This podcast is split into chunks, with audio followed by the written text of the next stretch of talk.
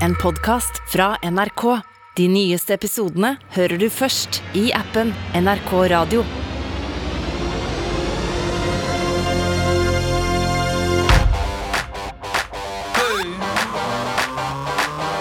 Popkorn over politikk med Sean Henrik Matheson og Gjermund Stenberg Eriksen. Og Sofie Høgestøl. Det må nevnes med en gang. Eh, velkommen skal du være. Takk. I dag så skal vi snakke om en eh, Vi skal ha det veldig moro. Men først skal vi starte med litt mørke. Eh, vi skal snakke om en mennesketype som jeg lurer på om du har noen personlige erfaringer med. Altså manipulatoren. Sosiopatisk atferd. Har du vært borti det noen gang? Ja, altså nå jobber jo jeg i akademia. Nei, er Så det noen her er jeg jo politisk aktiv. Så eh, jeg har nok eh, dessverre vært innom en og annen sosiopat, tror jeg. Ikke det at de reklamerer for det de er. Nei, og det er sikkert ikke lurt å si navnet på eteren, men det er Nei. mulighet for deg å gjøre det nå. Nei. Nei, men det, eh, det er jo en type mennesker som vil oppover og ikke fremover, og hvor fag og kompetanse ikke er det viktigste, og som bruker all energien på å vinne en konkurranse ved de andre midlene som veldig mange andre, som faglig drevet eller politisk ideologisk drevet, eh, prøver å vinne med kunnskap. Det er utrolig vondt. Og i eh, Skal du høre den lyden her. Det er lagd en lyd som prøver å beskrive og fange noe ved den personen. Eh, og skal vi begynne litt i gamle dager. Uh, vi har ikke mange barnelyttere, så jeg vet ikke hvorfor jeg sa det, men i hvert fall Shakespeare. Uh, han Men det har- er i gamle dager. det er i gamle Det er det. Og det er egentlig kilden. Uh, Alt annet er fotnoter i dramatikken etter det.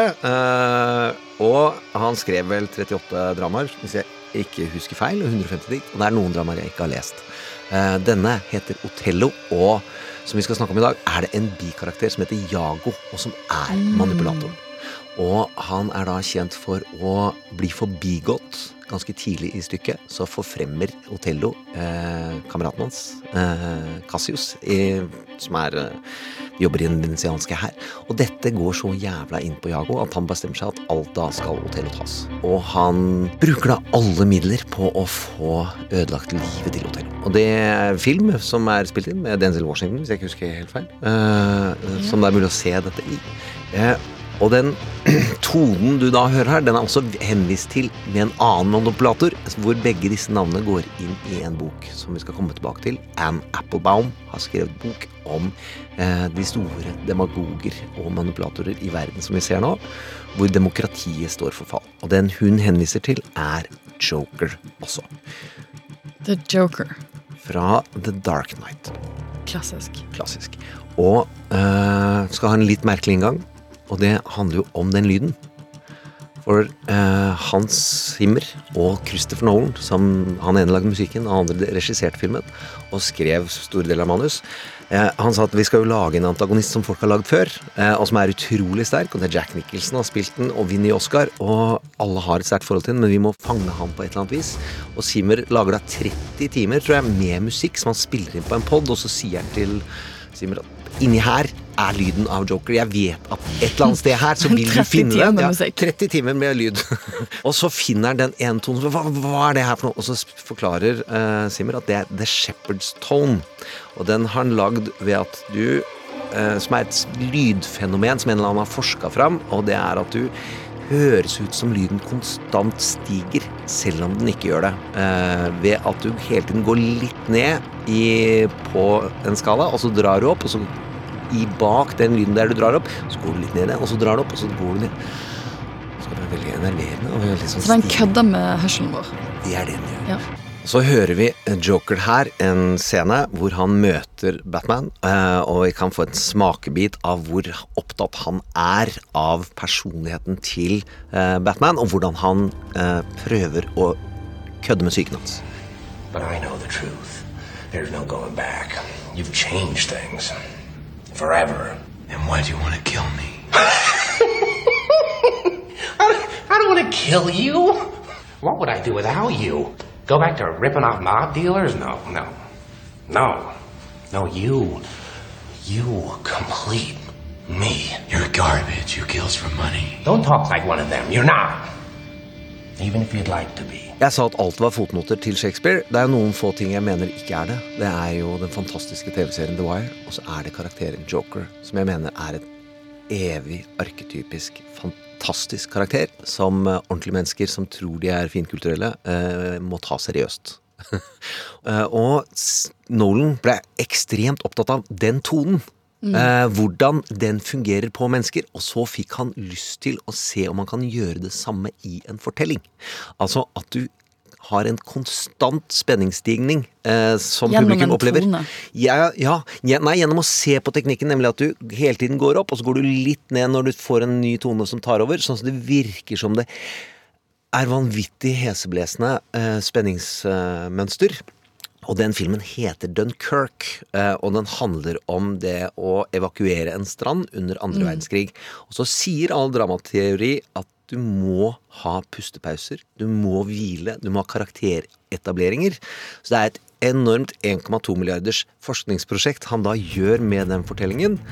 Så kan vi høre musikken eh, her eh, fra filmen for å få en smakebit på hvor den begynner sånn cirka.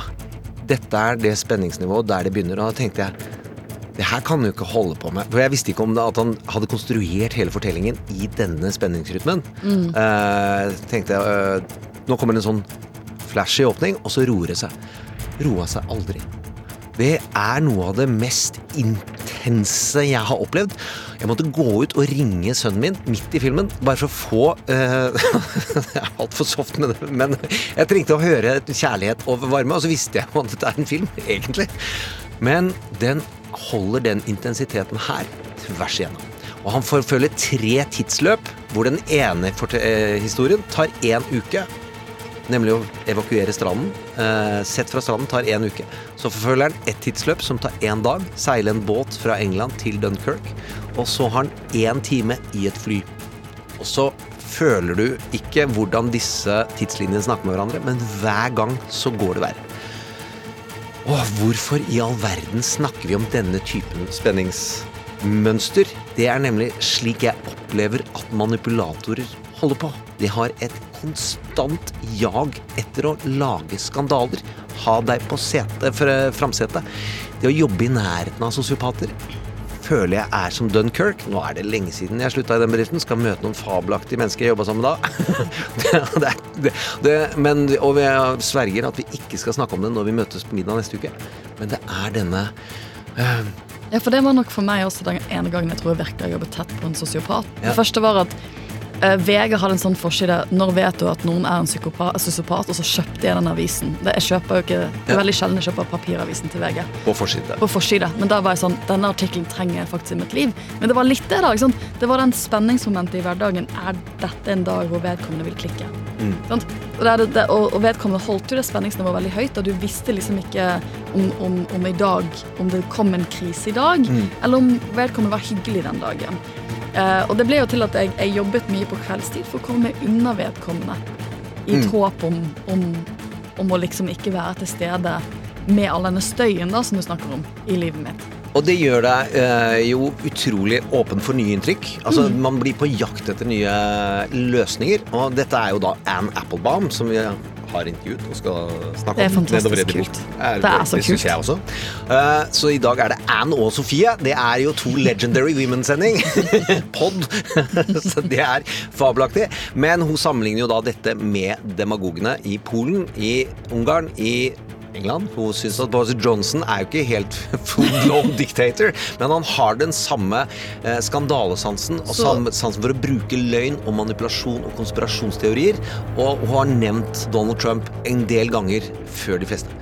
Så hun, hun sammenligner liksom det å hele tiden holde, støynivået oppe, sånn at du Mm. ikke får puste, med den playbooken til noen av disse guttene. du Ja.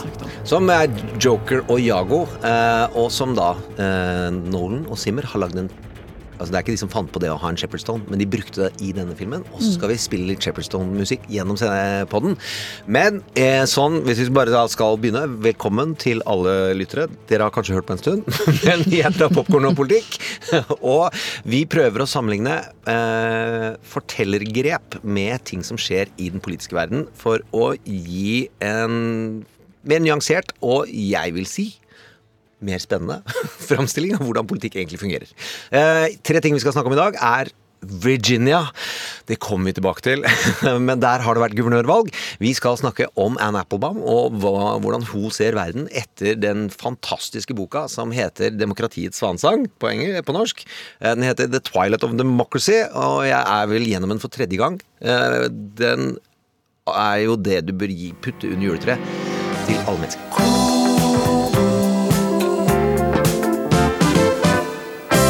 Og så, Det tredje vi skal snakke om, er jo da veien framover etter konsekvensen av Virginia. Eh, For eh, hvordan det republikanske partiet og denne Jago-figuren kalt Donald Trump, som vi tror dessverre kommer tilbake. Å ja, men det er sånn 368 dager til mellomvalget. Så nå er det bare å strap in, for nå, nå, nå kommer det!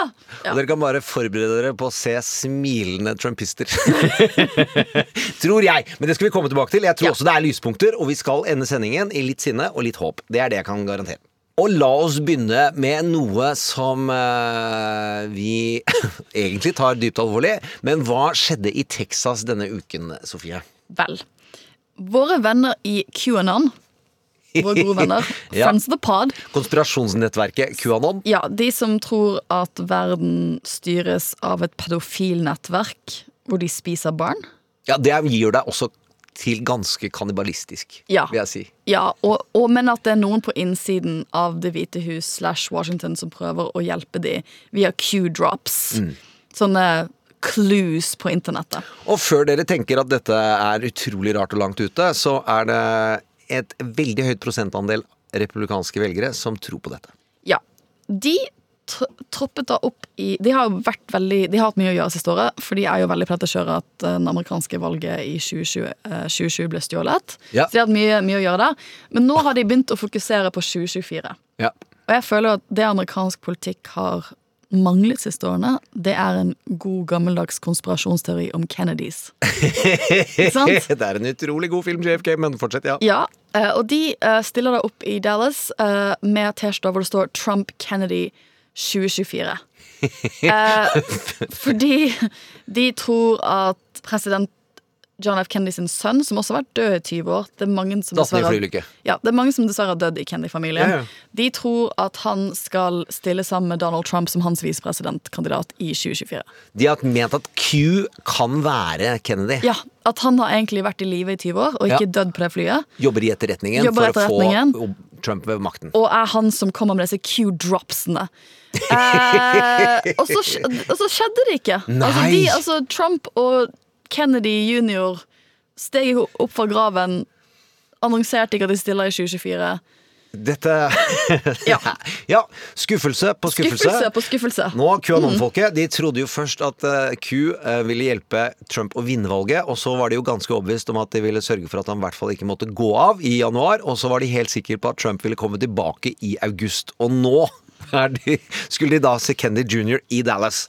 Og jeg husker ikke tallet. Jeg lurer på om det er 16 eh, republikanere i Kongressen som er eh, på ulikt vis har tilsluttet seg QAnon-bevegelsen. De har i alle fall flørtet med det. Noen av de er ja, altså De har møtt, møtt opp på Ja. Mm. QAnon-arrangementer. eh, Så og gjør du det, så har du, har du gitt eh, tilslutning til noe som er galskap. Uansett, hvilket band tror du de hater mest? Uh, Genesis. Gjenfødelse? Eller oppstandelse? Hva er Genesis? Nei, det er Dead Kennedys. Neste eh, lille godteribit som vi må snakke om, er at denne uken så kom det en Oscar-søkende eh, dokumentar. Eh, på mandag, var det vel? Og som kanskje vil bli forbigått fordi den overser en av de viktige kravene til dokumentar, tror jeg. Eh, forholde seg til fakta. Du tror det blir vanskelig å vinne dokumentarpriser Mm. når man ikke har et godt faktagrunnlag. Nettopp. Ja. Og det er fra en av våre recurring characters. Eh, la oss eh, høre hans sang. Karlsson, Karlsson, verdens beste Karlsson. Karlsson, Karlsson, hoi, her kommer Karlsson. Tucker Carlson kom med en dokumentar som eh, virkelig eh, tar for seg 6. januar, stormingen av Capitol Hill, eh, og legger skylden på FBI. Eh, og at det egentlig var en inside job. Ganske langt inn i QAnon-aktig måte å tenke på. Ja. Eh, Det kan vi jo høre her at Tucker Carlson har dratt i gang en av sine mange måter å dra i gang skandaler på, hvor det er bilde av en kvinne som eh, har fått en uniform som er tilpassa en kvinnekropp. Noe Tucker Carlson syns er en, et grusomt angrep på demokratiet. Mann og maskulinitet. Forsvaret. Eh, og ja, bare la oss høre hvordan han raser av gårde. So we've got new hairstyles and maternity flight suits. Pregnant women are going to fight our wars. It's a mockery of the U.S. military. While China's military becomes more masculine as it's assembled the world's largest navy, our military needs to become, as Joe Biden says, more feminine, whatever feminine means anymore, since men and women no longer exist. Men and women don't exist, var et av Tucker sine poenger her. Eh, jeg ser på Tucker som en menneskeliggjøring av Shepherdstone. Altså det er nettopp denne uke for uke, dag for dag. Eh, angrip, gjør redd, spill på frykt, og for på med hvilken variant av virkeligheten du ønsker. Sannhet er ikke viktig lenger. Serien heter da The Patriot Purge. Tanken på at man holder på å purge patrioter. Og- Føler du deg som en patriot, så Ja, må du føle deg forfulgt. Så blir You're being du- purged. Ja. Du blir renset. Ja. Dere kan få lese om den. Vi legger Ja. den ut på den eh, berømmelige fandrevne Mm. Facebook-siden til Popkorn og politikk for Ann Applebaum, som vi intervjuer rett bak det at vi har snakket litt om Virginia. uh, hun skrev om den på tirsdag, så hun skrev en tekst som jeg har En sett dokumentaren, uh, så du slipper. Så kan dere lese mer om den der.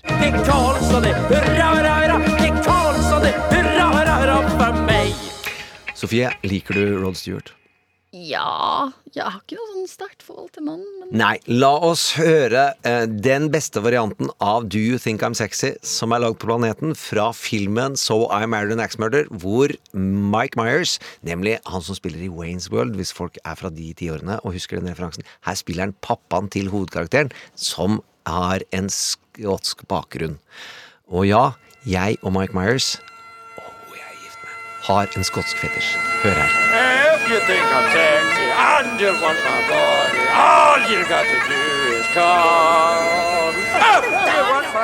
Klimakonferansen i Glasgow. Det er en klimakonferanse. Det er mye Så sies det. Så sies det. Ja. Og det er demonstrasjoner på utsiden. Noen roper skandale, og noen gjør litt småskandaler, ting der inne. Det er vel ikke konkludert. Det har ikke landa noe sånn agenda 2029, 2050, 2070. Det har ikke gjort det. Altså, de, de har jo kommet med noen, noen småting underveis, type sånn eh, kamp mot eh, deforestation, hva er det på norsk? Eh, Avskogning. Avskogning, for godt norsk. Jeg måtte Eh, tenke meg om. det, ja, men men eh, jeg er nok litt enig med Greta Thunberg. Noen sier at 'jeg vil ikke ha så mye bla, bla, bla'. Liksom, nå, vi, nå blir vi målt på kutt. Kan vi kutte disse klimagassutslippene? Greier vi å gjøre det hvert år? Vi hørte av denne kloke NRK-journalisten som har vært på åtte klimakonferanser, hvis jeg ikke husker helt feil. Mm. Han sa at det er viktig å eh, følge med på hva som skjer mot slutten. For jeg husker Obama var i København, eh, og der gikk man høyt ut og landa ingen steder. og den endte i det Greta Thunbergs poeng, bla, bla, bla, men jeg er ikke sikker på om det er hjalp å rope på utsiden. Det vi kan høre her, er jo eh, en av lederne fra en stillehavsøy som jeg kan alle navnene på rams.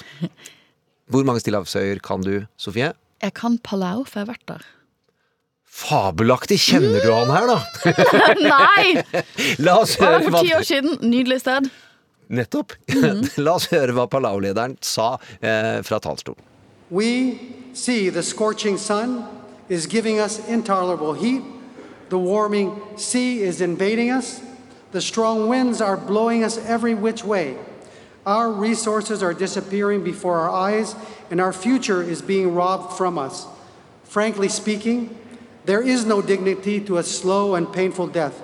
You might as well bomb our islands instead of making us suffer only to witness our slow and fateful demise. Det er sterke ord. Ja. Og det, la oss da krysse fingrene for at dette lander i noe konkret, eh, og at man får en felles forpliktelse. Eh, apropos han vi kommer tilbake til hvert øyeblikk. Donald Trump er jo ute av utøvende myndighet, så vi får se hva Joe Biden kan by opp med av klimaengasjement. Da skal vi over til Virginia, og det er flere musikere som har brukt denne Shepherdstone. Vi skal høre på Frans Ferdinand eh, ha en sang som eh, ikke akkurat beskriver retningen det går for Joe Biden om dagen. Always ascending, alltid stigende. Nja, vi har hatt en del gode ord å si om Biden, og vi har hatt litt lite humor på hans bekostning. La oss gni det litt inn at det går ikke så bra.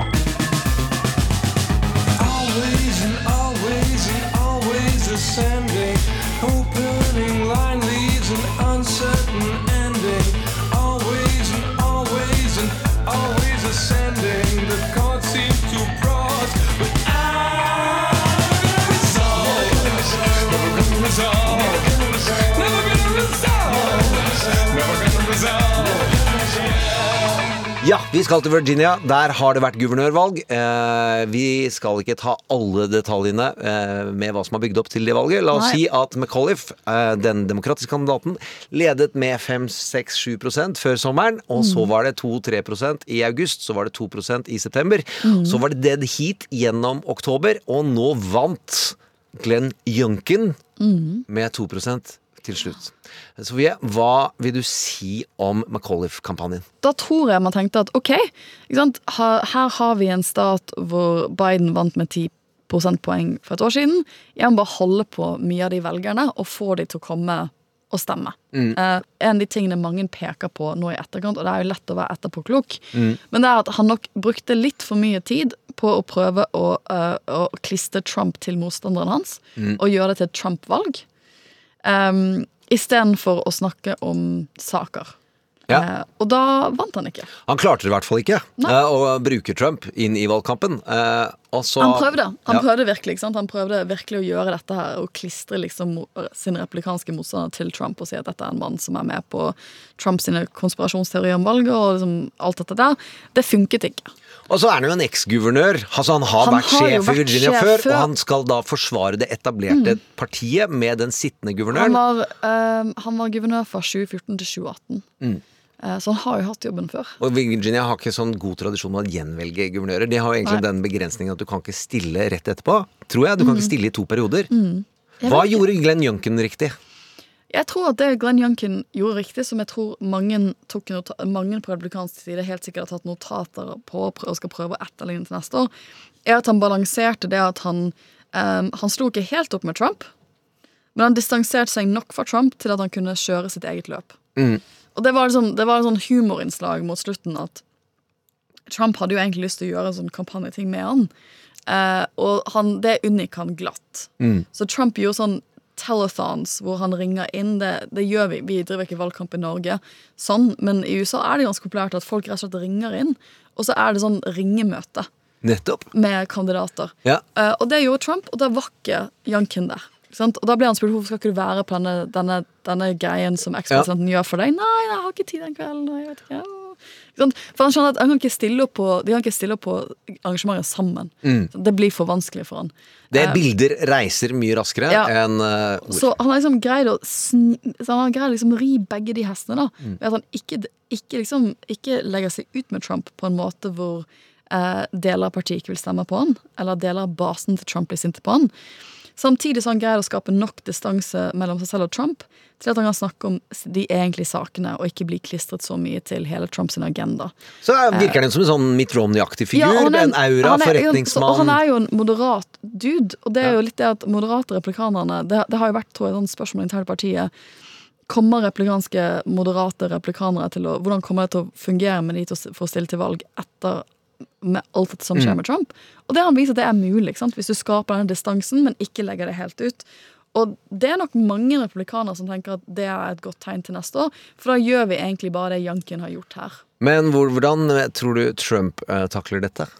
Jeg har hørt Altså, jeg hørte Maggie uh, Haberman. Haberman, som vi, vi stoler på Som Maggie. etter, etter Shakespeare, en av de viktigste pennene i Ja. verden. og Anne Applebaum. Uh, hun er da, I dag er det hun er da journalist i New York Times, Ja. og um, pleide før han begynte i New York Times å jobbe med sånn sladderspalter i New York. Så hun har dekket, I New York Post. i New York Post, Sånn at dekket Trump fra sladderspalteperspektiv. Så hun kjenner jo mannen ganske godt før han ble politiker. Eh, og, og har da veldig gode skal ha veldig gode connections i Trump-land. Og det hun sa på CNN under dagen etter valget, det var at Trump er ikke sånn superfornøyd med dette her. Mm. sånn, Trump prøver jo å styre partiet sitt akkurat nå. Eh, og det er ikke, han er ikke, han, å, så liker han å være midtpunktet. Og så fikk han ikke lov til å være midtpunktet etter valget her. Uh, Youngkin har jo egentlig gått litt på siden av han Han har vist at han kan vinne uten, Uten. er jo egentlig underteksten, Ja. som Junken ikke kan si offentlig, for da Nei. får han hele Trump-balletten hver dag i trynet, og tilbake til sosiopaten.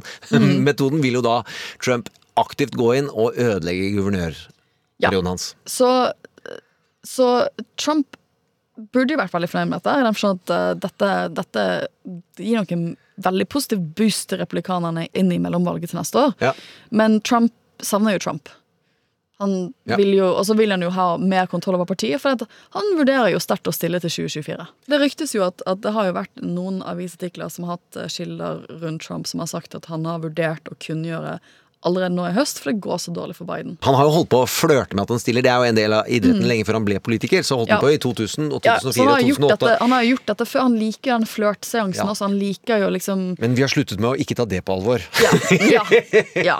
Uansett, folkens, vi må snakke om Joe Biden. Hvorfor er dette så ille for Biden, Sofie? Det er ille for Biden, for han vant jo denne staten med 10 prosentpoeng for et år siden. Og da tror jeg mange vil tenke sånn Hvorfor? Hva skjedde på denne korte tiden? Når du gjorde det så godt for bare et år siden.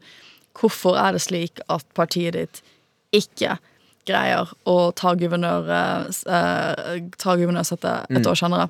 Alt gikk bra, det var en profesjonell administrasjon. De drev eh, covid-19-behandling, de fikk økonomipakker og redningspakker og gjennom Kongressen som et uvær.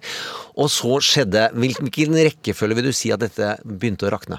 For denne genseren må strikkes i hop igjen. Ja, jeg tenker at um, Jeg tenker at det, det, det at han ikke fikk gjennom en del krisepakker på våren, mm. det var, da begynte ting å skjære seg litt. Og så fikk vi deltaviruset, som rett og slett gjorde Mm. at man fikk mye større spredning av smitte. Og du Mm. fikk en vaksinemotstand som ikke er hans skyld, men eh, det er i hvert fall hans problem. Eh, Og så kom det økonomiske pakkene ble utsatt, noe som også påvirka amerikansk syn på økonomien. Mm. Og da, når økonomien går nedover, da er det knyttes det alltid til presidenten, Mm. om han har skylden eller ikke.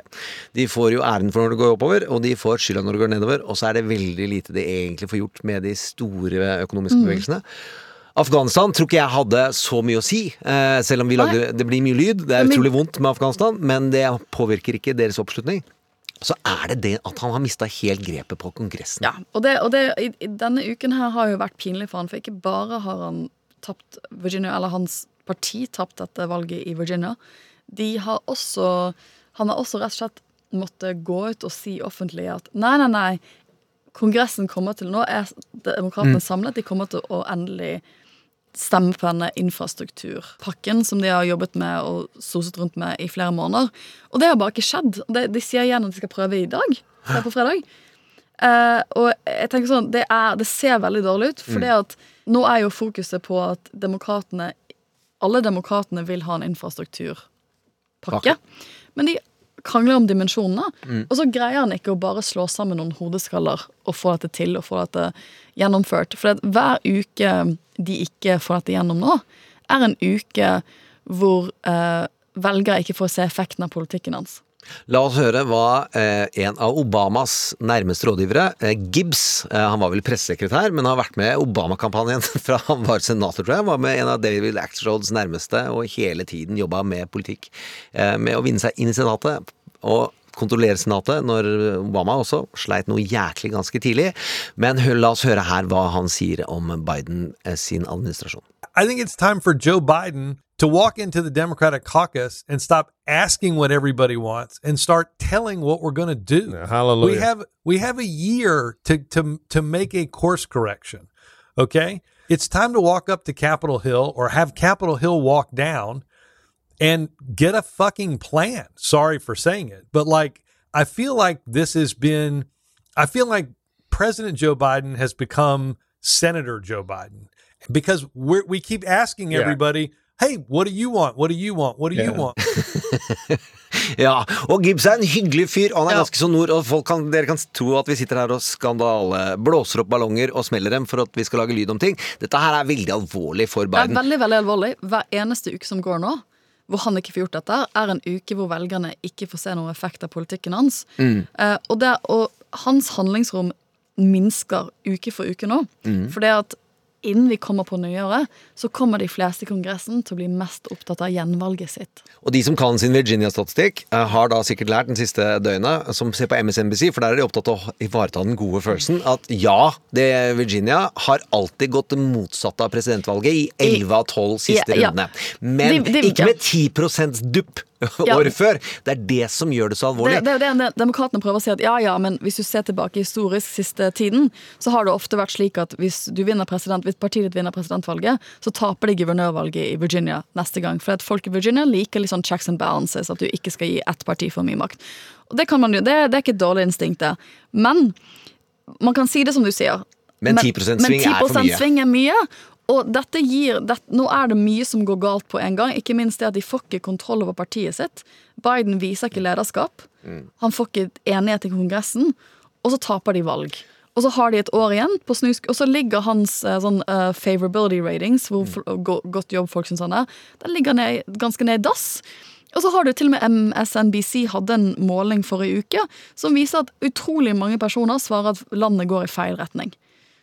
Og hvis velgerne tenker at landet går i feil retning, så er det vanskelig å selge de på at du skal beholde ledelsen i Kongressen ved neste Ja. valg. Fordi amerikansk politikk er som amerikanske aksjemarkeder. Det er utrolig mye mer stemningsdrevet enn det vi kunne ønske oss. Det har vært veldig bra om det bygger på rasjonalitet, men det bygger veldig mye på emosjonalitet. Hvem som har momentum, og hvem som eier narrativer. Altså at det er kulturelle faktorer som nå, preger nå kan jo mye. skje på et år. Ja. Men handlingsrommet hans, det- den, den tiden han hadde mest mulighet til å gjøre store ting, det var nå. La oss håpe at vi får en ny pod, eh, Sofie, hvor vi skal snakke mer om dette. Hvor det, disse pakkene har blitt uh, introdusert, og at pilene peker oppover igjen. Vi får se hva som skjer i helgen. Det får vi se.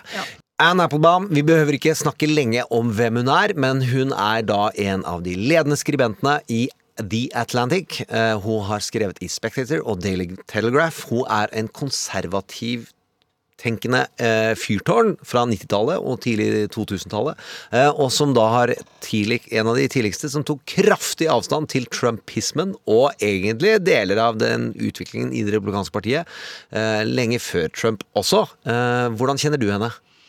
Hun er jo en av de ledende kvinnelige intellektuelle Ja. i mitt, min type bransje. Eh, så jeg, har jo, jeg, jeg er jo massive superfan av uh, Anne Applebaum. Hun skriver jo så enormt godt. Um, og så har han jo denne tilknytningen til Polen gjennom ektemannen sin. Tidligere utenriksminister. Og Ja. bor i Polen. Og bor i eh. Og det er der hun ble se, satt når vi intervjua henne. Og så skal vi høre på ulike innslag fra det intervjuet. eh, og så skal jeg prøve å forklare hva For jeg var utrolig nervøs. Jeg syns det der var Det var var nesten som å møte. Morten Harket. Og det er eh, som jeg Og a-ha, Magne Furuholmen, Pål Voktor. Der vil jeg også bare stamme og stotre og miste kopper. Og, eh, men eh, la oss da høre hvordan hun er, og ta inn hennes perspektiver. Hun skrev den viktigste boka i fjor på ganske mm. mange kåringer, som heter 'Twilight of Democracy' og 'Demokratiets svanesang' på norsk. En annen Shepherdstone eh, vi kan høre, er eh, ikke Miss Sophie, men Miss Elliot. Eh, la oss ta denne inn, og skal vi møte Anne Applebaum. Let's go.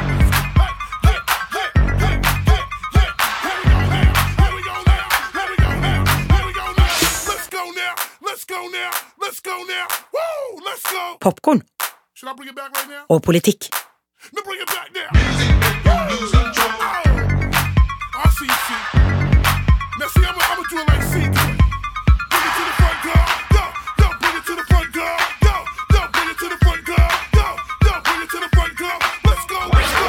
Og jeg vil altså da erklære en liten kjærlighetserklæring til Polen. Jeg har vært der eh, veldig, veldig mange ganger eh, med kona mi. Krakow, en fabelaktig by. Jens A. Risnes hadde jo et reiseprogram på P2. Fabelaktig reiseprogram. Han skulle rangere de beste byene i verden. Og han tok den ene fancy-pants-byen etter den andre, og mange av de hadde vi jo ikke penger til å flytte til når vi var studenter.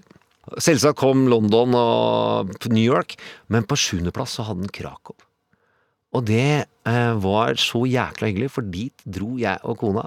Fabelaktig gamleby, helt unik arkitektur, og lærte masse om polsk kultur ved at jeg gjorde noe som eh, Da følte jeg at jeg blei voksen. Vi leide en guide til å fortelle oss og dro oss gjennom kirken. Lang historiekort. Det er så mye jeg ikke visste med Polen, fordi jeg kommer fra Indre Østfold, der polakker var jordbærplukkere. Og da syntes man veldig synd på, og vi tenkte at det var et land med veldig få nyanser og en homogen kultur. Utrolig rik bredde med hva slags folk som bor der, eh, og hva slags muligheter som bor i landet. Uansett, mitt første spørsmål til Anne Applebaum var hva slags fordommer møter hun? Oh, there's a long list of misconceptions about Poland, um, starting with what actually happened in Polish history and what actually happened during the war, and moving on to the food, which is extremely good, to the the nature of the economy. Poland is actually now, I think, GDP per capita. It's higher than Portugal. It may also be higher than Greece. Standard of living here has been growing really fast, and of course, we'll probably never catch up with Norway. You have um, oil and gas, and we don't. You have a large affluent class in Poland. The affluent class is way bigger than most people understand. Yes, I mean it's not affluent. It's not as if people are extremely wealthy. Um, actually, until recently, we didn't have oligarchs here. We didn't have that kind of Russian shape of the economy. Instead, we had a very large middle class, um, which we still do. Um, the current government is trying to create oligarchs now, though, so we might eventually get them. For really 30 years, you've had a, a period of, I mean, it hasn't always been fast growth, but you've had growth the whole time. I think even during the financial crisis, Poland kept growing just a bit more slowly. The country has caught up with the rest of Europe, I think, at a faster pace than in something like 500 years. Ja, så der hører vi altså om polsk økonomi. Vesentlig sterkere de siste 20 årene. De har en stor gruppe mennesker som har en veldig god økonomi. Og det er en veldig stor gruppe med en kjempeanselig mengde utdannelse. Det å snakke om litterære og kunstneriske og musikalske storheter på tvers av land som vi nordmenn vanligvis ikke kan, det er helt selvfølgelig for en del av polakkene. Uansett, økonomien går nå da i retning av putinesk oligarkstruktur. Det vil si at den sittende regimet ønsker å korrumpere økonomien ved å gi avtaler og fordeler til de som er regjeringsvennlige. Men det er virkelig ikke bare det hun er skuffet over, som hun skriver om i Demokratiets svanesang. Det er jo da den konservative eliten, et ord hun ikke har veldig sansen for, men i hvert fall den oppgående delen av den konservative bevegelsen som pleide å referere til annen tenkning og fakta på en anstendig måte, men som da har korrumpert. there is a part of what used to be the conservative movement. In Poland, this was really an anti communist movement. In the US, it had a slightly different face. In the UK, it was also slightly different. Part of what, you know, people who used to be, I don't know, Thatcherites or hmm. who were, as I say, anti communists in Poland or Hungary, there's a part of that group that has become much more radical and much more extreme and has started to has really ceased to believe in you know the the traditional tactics of liberal democracy but also really in the liberal democratic project and now seeks for itself autocratic power in various different ways in different countries um, and is no longer so interested in the rule of law or in international integration the, my book was an attempt to explain that. I mean, I, I should say, you know, to some degree, I haven't even explained it to my own satisfaction. There are people whose life choices continue to mystify me. Um, but if you look at it, I mean, there's some combination of disappointment, usually disappointment with the world as it is. Um, in Poland, there's, despite what I just said about prosperity, disappointment with the nature of modern Poland. Um, in the US, disappointment with the nature of modern America. Same same almost everywhere. And there's a sense that the system that existed that was essentially came to being in the 1990s in, in Europe and America didn't serve them or didn't serve their families or didn't serve their countries so that's the it's it's usually some combination of those things De som Applebaum skriver om, er altså da skuffede konservative. De som i Øst-Europa i stor grad var antikommunister, men som ikke da av en eller annen utrolig merkelig grunn synes demokrati eh, har tjent dem godt nok. De er skuffa, forbigått. Tenk tilbake på Jago. De å være forbigått, ikke fått det som de vil. Og hun kaller dem enablers.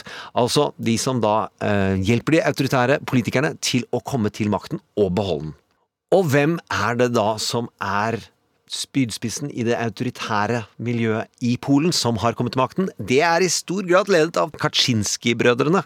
Eh, Jaroslav og Lech og hvor den ene døde i en flyulykke i 2010.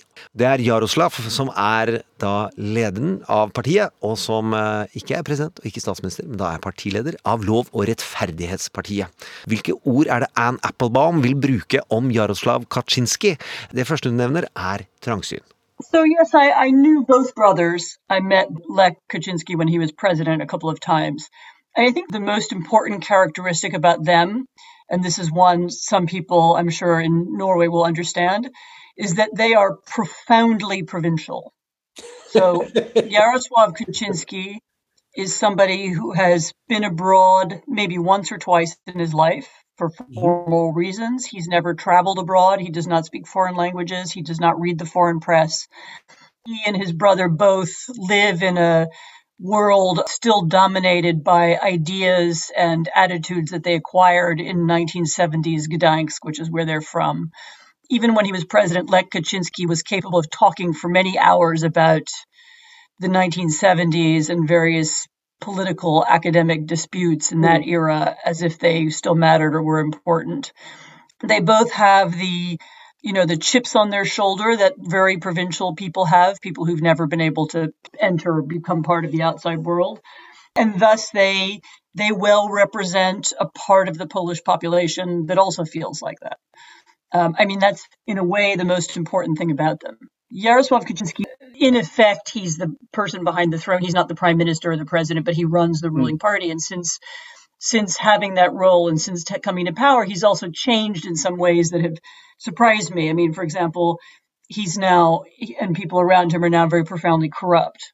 And they are using their position to enrich themselves and their families and their cousins and so on. I mean, the Polish ruling party is now very much in the fashion of the old Communist Party, a kind of you know, trade union on behalf of its own members. You know, so they they seek to get jobs for themselves and for their, as I said, their cousins. Th- that element that he would be that interested in money surprised me. Why did he step down? Why didn't he seek the presidency or the prime minister role? How can they still have the control of the power in the country? He would be bad at it. He's a he's a very poor public speaker. He's very, you know, he actually doesn't really understand how bureaucracies work. He was not a good prime minister when he was briefly prime minister before. Um, he lost the presidency. He ran for the presidency and, and lost, you know, a decade ago. And I think he doesn't want to. Lo- he would probably lose again. He's a very, he, you know, when there's a lot of him in public, he inspires a lot of dislike. You know, aside from being the leader of the ruling party, he's he's a, in all kinds of opinion polls. He's he's he's one of the most hated people in the country as well. I mean, he inspires a lot of negative emotions. He transmits his his hatreds and his fears and his provincialism in his public speaking as well, and that, and that's unattractive. And I think he came to understand that about himself. La oss ta det litt sakte, siden vi liker å gni det inn eh, når autoritære ledere skal omtales. Jaroslav Kaczynski er altså da provinsiell, smålig, hatefull og en dårlig folketaler. Skjønner ikke byråkratiet og er utropt i flere meningsmålinger til en av de mest hatede personer i Polen. Men er likevel fyrtårnet eh, som styrer den autoritære bevegelsen. Og et lite øyeblikk så syns jeg det var så mye negative ord at jeg tenkte altså hva har han ikke skills?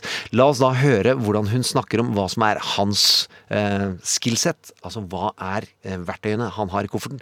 Et av de aller viktigste er jo at han er en manipulator og spiller på frykt. Oh, he's very skilled. I mean, he's a conspiracy theorist. He thinks in conspiracies and he looks for them constantly. He's a great student of personalities. You know, he tries to use people's weaknesses, for example, and to Mm. manipulate them. He's a kind of manipulator. Not that it's so unique. I mean, if you look at Trump or you look at Bolsonaro or you look at Erdogan, I mean, these, you know, people who've learned how to appeal to fear and anger and anxiety are all around us. Um, but he's been very good at that.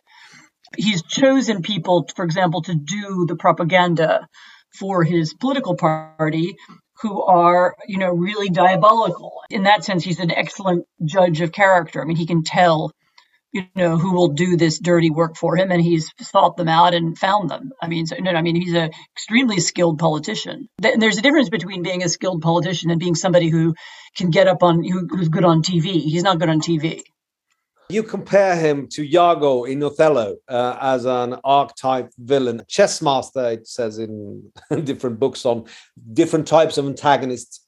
Are there other literary figures that you will compare him to that can make Norwegians understand the way he works? Oh, I don't know. I don't know about literary figures. I mean, think about manipulators. And this is not just literary figures. I mean, we all know people like this in real life, you know, people who have a sixth sense for other people's weaknesses, Mm. how you can take advantage of them and exploit them. I mean, the other thing that I'm to understand what's important about him is his disdain for what Poland has achieved. I mean, he's somebody who is very willing to pull everything down and destroy the achievements of the last 30 years if they enable him and his people to be in power. So he's also really focused on and interested in power and holding power. Um, and that matters to him more than the well being of the country. En annen ting som Jaroslav Konsinski er god på, er jo å hele tiden bruke fortida. Altså, det er veldig vanlig at autoritære leder peker på en eller annen drømmende fortid som var mye bedre. Make America Great Again viser jo tilbake til dette 1950-tallet som av en eller annen grunn hvite overklassen er, var veldig fornøyd med. Polen har ikke så mange glansperioder å vise til, men allikevel klarer han å dra opp og bygge følelsen over en nostalgi, noe som er tapt. Kanonion har tipset meg om det svenske ordet offerkoftan. og Anne Applebaum har ikke vært med den guiden jeg var med i Krakow, som pekte på den storhetstiden da Krakow var hovedstaden i Polen. Til dette svenskeneket flytta det nord til Warszawa. La oss ikke gå dit, la oss gå tilbake til samtalen med Anne Applebaum om hvordan Kaczynski bruker offerkoftan i Polen. Well, in Poland, it's very strange because we don't really have a period to look back on and say that was when we were really great. I mean, you can look back to the 16th century or something, and, and when, you know, but that's about it. There's no equivalent of the American version, which is people who remember their childhoods in the 1950s and how simple and sweet everything was then and how much more complicated things are now. You know, you get that in the US and the UK very Mm. quite strongly. So in Poland, it's not really the same kind of nostalgia. It's more the promotion of a sense of victimhood. Poland has been deprived, uh, you know, it was conquered, it was unfairly treated, um, and that Poland is the primary victim of the 20th century. And the construction of a kind of grievance against, particularly against Germans, but also against everybody, against the rest of Europe, against against everybody who, who didn't acknowledge and, and see how much we lost and how badly we were treated. Um, and so it's a form of patriotism that's built around the sense of anger and grievance, as opposed to positive patriotism built around the appreciation of how much has been achieved in recent years. They need to portray almost everything that happened since 1989 as wrong and bad. So this is very hard to understand for outsiders. But after communism fell, you know, we all worried that there would be a kind of revanchist movement, you know, that the former Communist Party would come back in some ways, which it did in some other countries. And in Poland, the Communist Party turned itself into a kind of Blairist center left party and proved not to be a revanchist party. But Law and Justice, the party that Kaczynski runs, really is revanchist. It, it's a seeks to turn back the clock. It rejects the liberalism of the last 30 hmm. years. It rejects the achievements. It rejects the integration with Europe. It rejects the heroism of Lech Walesa and the story of the collapse of communism and so on. And I mean, really, not coincidentally, lots of the leading figures, some of the older figures in the party, are people who are former communists. I know they shout a lot about being on the right and being Christian and being Catholic and so on, but this is really, this is the people who long for a smaller, more stable, more kind of communist style Poland dominated by one single strand of propaganda. So, although they wouldn't say they were nostalgic for the 1980s, you know, for late communism, I mean, in a way, I think they are. Ringen er sluttet da, på en måte. I Polen er mange av de gamle kommunistene altså tilbake i maktposisjoner, bare at de nå kaller seg katolikker, høyrepolitikere og nasjonalister. Dere kan høre lengre deler av dette intervjuet i en ekstrapod som kommer på tirsdag i NRK radioappen. Der kan dere også gå inn og høre mye annen snacks av andre samtaler med andre helter vi også har gjort. Uansett, Anne Applebaum snakker da også om USA og hvilke utviklingstrekk som er felles mellom Polen og USA, og hvordan hun ser på Trump og det republikanske partiets framtid fram mot 2024. Anne tror det kan gå bra, faktisk. Hun tror det kan gå bra med Polen, bra med USA. Men demokrati kan alltid ødelegges. Autoritære er autoritære, og de bruker virkemidlene som autoritære politikere alltid har gjort gjennom historien. Everybody's time has come, it's everybody's moment except yours. Popkorn og politikk.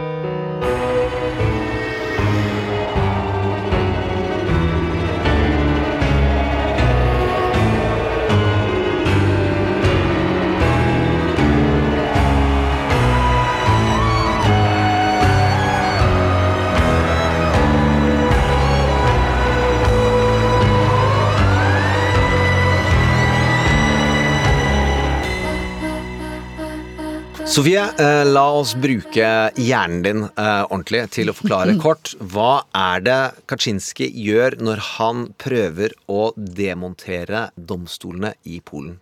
Ja, det kanskje mest spenstige han har gjort, er at han egentlig sparket en del høyesterettsdommere ved å senke pensjonsalderen i polsk høyesterett. For du er jo ofte ganske gammel når du blir høyesterettsdommer. Ja. Du er ikke en ungfole da. Ja. Og for å få bort en del folk, så senket de rett og slett pensjonsalderen og førtidspensjonerte det. Og det har gjort at man har fått en helt annen sammensetning på polsk høyesterett enn det man hadde før. Mm. Nå må vi bare si at jeg har noen veldig kule kollegaer på Universitetet i Oslo som er en del av et demokratiprosjekt som heter Vi Dem. Som står på Varieties of Democracy. Som er, de lager en sånn demokratirapport. De Ja. arrangerer land eh, og ser på deres demokratiske utvikling. Utrolig flinke folk. Ja. Og hvordan ligger Polen an der? Ja, når de kom ut med sin rapport for 2021, og den rapporten heter dessverre da Autocratization Turns Viral. Sant? Om den demokratiske nedgangstrenden vi er i demokratiet Ja. i, i verden i dag. Eh, og så har de en liste over det de kaller for the top major decliners. Altså de landene som har gått mest tilbake. Mm. Hvem er nummer én på den listen? Polen. Mm.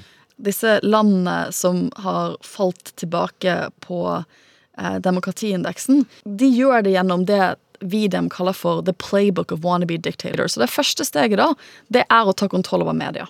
Det er Polen gjort. Kaczynski gjorde det med en Med en gang, gang. altså før han ble, kom inn i politikken. Ja, han er en han ble NRK-sjef, og han brukte den posisjonen. Og så begynner du å mate polarisering. Og du sprer disinformasjon. Shepherd's Tone. Shepherd's. Tone. Konstant skandale, få folk på framsetet, gjør de redde, og gjør de mottakelige for den informasjonen du kommer med. Ikke bry deg om den er sann eller ikke. Ikke sant? Og når du da først har, har køddet til media, spredd masse desinformasjon og konspirasjonsteorier, da begynner du å demontere de andre bitene av demokratiet. Ikke sant? Du begynner å kødde med valg og rettsstaten.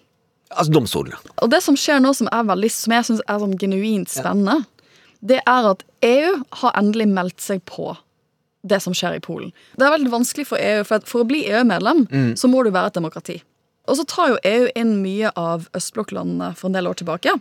Men så har det jo vært eh, sånn som ting har vært de siste ti årene, så er EU plutselig en situasjon hvor de må vurdere hva gjør vi når land bryter de demokratiske grunnprinsippene som du egentlig må ha for å være medlem. De har jo noen verktøy i verktøykassa. Hva gjør vi med de? Skal vi være snille? Skal vi prøve å gi dem snille insentiver til å si Mm. at ikke gjør disse antidemokratiske tingene? Skal de begynne å bruke sterkere virkemidler enn bare kritikk? Etter at Polen køddet med domstolene, så har de fått mye mer servile domstoler. Og det polsk høyesterett sa i år, det var at vi kommer ikke til å anvende EU-juss. EU-juss er i strid med den uh, polske grunnloven. Nettopp. De går for en nasjonalistisk for- ja? Så med andre ord, når, Polen, når EU kommer og snakker om menneskerettigheter, og sånn og sånn, og sånn, så driter vi langt i det. Poenget er, men Hvis du skal være medlem av EU, så må du være underkastet EUs lovgivning. EU er jo veldig veldig misfornøyd med dette. Så EU-domstolen har sagt at dere får en daglig daily fine av én million euro for hver dag dere fortsetter med en elendig oppførsel. Blir penger av slikt? De har også valgt å holde tilbake penger som skulle gått til sånn post-pandemic funding Mm. for Polen. Og nå i Norge også så er det snakk om skal vi kutte EØS-midlene. For vi har jo gitt midler gjennom eh, noe som heter EØS-fondet, som har gått til Polen f.eks. Så nå begynner man å trekke i pengesnorene for å se om det vil funke. Det er jo ingenting som indikerer at styret i Polen kommer til å bry seg så mye om dette her. Men de kan tape ved valg fortsatt. akkurat nå pågår det rett og slett en, en ganske episk battle mellom EU og Polen. Og så får vi se hvem som vinner. Eh, democracy is kicking back. Democracy La oss håpe det. kicking back. Ja, Mhm. eh, og det er noen i denne poden som stemte ja til EU og var litt skuffa. Skal ikke røpe hvem. Meg ned. Uansett, helt avslutningsvis, Sofie, så må vi si at vi har en konkurranse der vi har fått Jon Brannes til å lese opp vinnerne fra forrige uke eh, tilbake. Eh, og det kommer her.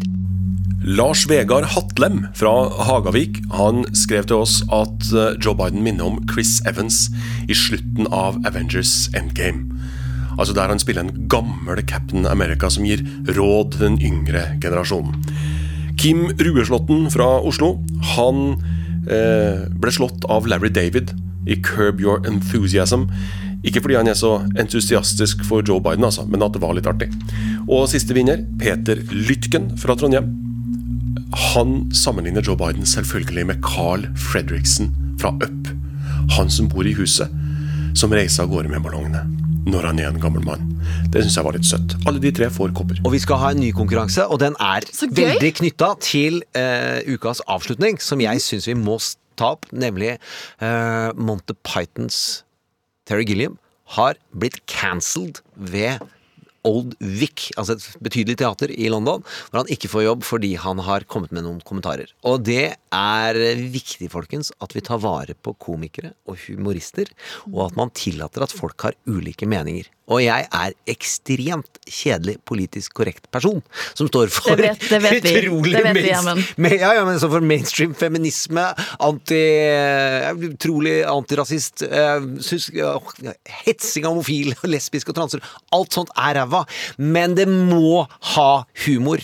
Uh, ukas konkurranse, som er på uh, Trump at nrk.no, kan du sende inn dit. Eller så kan du finne den fandrevne Popkorn og politikk-Facebook-sida. Hva er det morsomste Monty Python-øyeblikket?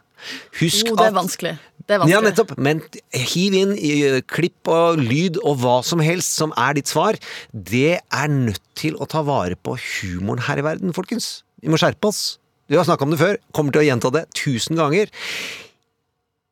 Fjerner humoren, er det ikke noe vits i å være på den planeten. Da kan vi droppe klimakonferanser. det er rett og slett for gæli. Life of Brian. Verdens morsomste film. Terry var med på den. Always look at the bright side of life. Vi tror dette egentlig kommer til å ende godt. Tror at Polen går inn i lyset igjen. Tror Biden kommer til å ta seg sammen. Jeg tror Trump kommer til å gå i veggen i 2024. Jeg mener det ordentlig. Det mente Ann Applebaum òg. Han er ikke en fordel for republikanerne. Det kommer til å bli grisejevnt. Eh, Og jeg tror han melder seg hardt inn. Jeg prøver å peke med lyset her, folkens. Always look at the bright side of life. Sofie, kommer du tilbake igjen?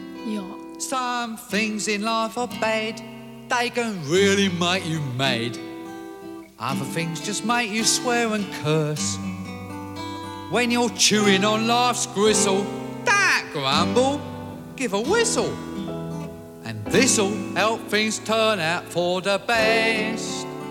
And always look on the bright side of life. Always look on the light side of life. If life seems jolly rotten, there's something you've forgotten, and that's to laugh and smile and dance and sing. When you're feeling in the dumps, don't be silly chumps. Just purse your lips and whistle, that's the thing. Hey, always look on the bright